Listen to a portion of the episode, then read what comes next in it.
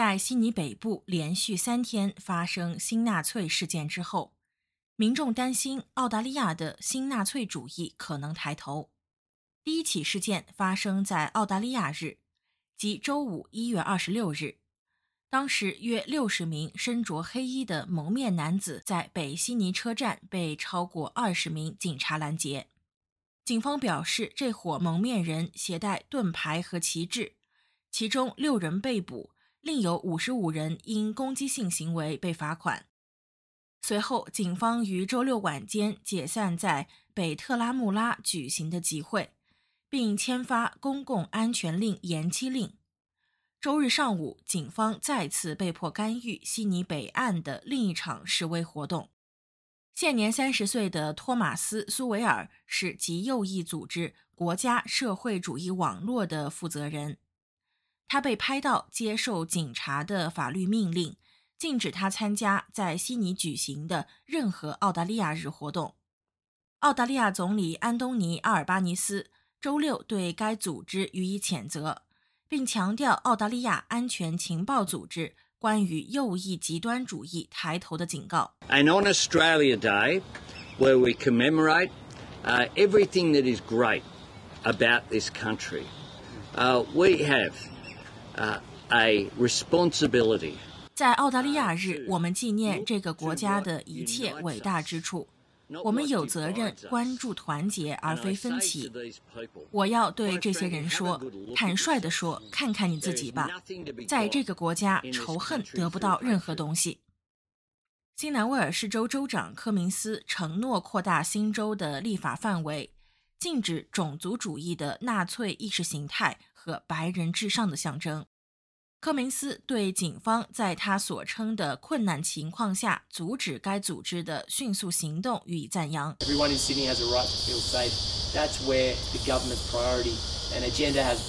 悉尼的每个人都有权利感到安全，这也是政府的优先事项和议程。这些拥有病态意识形态的白痴以及他们的领导人将受到法律的严厉打击。法律对他们的态度是零容忍。有猜测称，这伙人来自维多利亚州，而维州最近数月发生多起新纳粹事件。极右极端主义研究员卡兹罗斯博士对这一观点予以驳斥。卡兹罗斯表示，与维多利亚州相比，该组织更多成员来自新南威尔士州。理由是新南威尔士州长期存在新纳粹主义。In actual fact, what we can see on the weekend, it's a national issue where neo Nazis from across Australia have met in Sydney. 事实上，我们在周末看到的是一个全国性的问题：来自澳大利亚各地的新纳粹分子在悉尼聚集。事实上，周末来自新南威尔士州的新纳粹分子比维多利亚州的还要多。因此，我认为悉尼民众应该感到担忧，应该认识到他们也面临着持续存在的新纳粹问题。迪肯大学的全球伊斯兰政治学教授格雷格巴顿表示，尽管这些孤立事件令人发指，但是并不会对澳大利亚的安全构成直接威胁。格雷格巴顿表示，国家社会主义网络已经存在很长时间。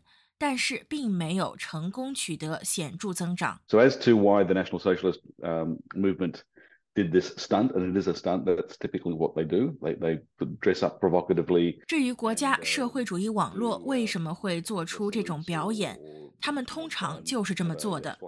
他们穿上挑衅性的衣服，行纳粹礼，试图在公共场合挥舞纳粹旗帜，或者做出其他一些公然挑衅的事情。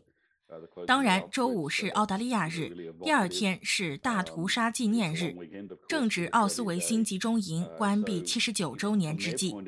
这的确令人回味。因此，从他们的角度来看，这正是人们关注这类噱头的时候。如果换一个周末，也许他们就不会得到同样的关注。但是，这并不意味着他们并不是全球极右政治运动中存在更大问题的指标。格雷格巴顿表示，世界各国政府正在目睹白人至上主义和极右意识形态的流行。他以土耳其总统埃尔多安领导下的法西斯民族主义和美国对特朗普反民主情绪的担忧为例进行说明。The bad news is there are bigger issues domestically and globally that we need to pay attention to. The reason I think we do need to be worried is if you look at um, 坏消息是在国内和全球范围内，我们需要关注更大的问题。我认为我们需要担心的原因是，如果我们看看纳粹主义和现在的新纳粹主义的正中，那就是德国。我们看到抗议主流政党的德国选择党的大型集会，该党已经发展壮大，很可能在未来的政府中扮演越来越重要的角色。这确实令人不安。卡兹罗斯对此表示赞同。他表示，许多人并未意识到该组织与全球范围内的极右极端分子网络有关。他们对政治不感兴趣，更多的是抱着部落心态。They're interested in setting up a new society, so they don't follow the electoral politics quite so closely. But the model that they use is a model which is very successful in Europe, called the active club model. 他们对建立新社会感到兴趣，因此他们并不密切关注选举政治。但是他们使用的模式是一种在欧洲非常成功的模式，称为活跃俱乐部模式。实际上，这种模式源自加利福尼亚。男人们聚在一起，他们称之为训练和部落。训练是指学习格斗、强身健体；部落是指组建部落、形成团体。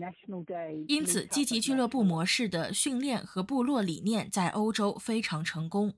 实际上，这里的一些领导者最近还去波兰参加了民族主义者的全球聚会。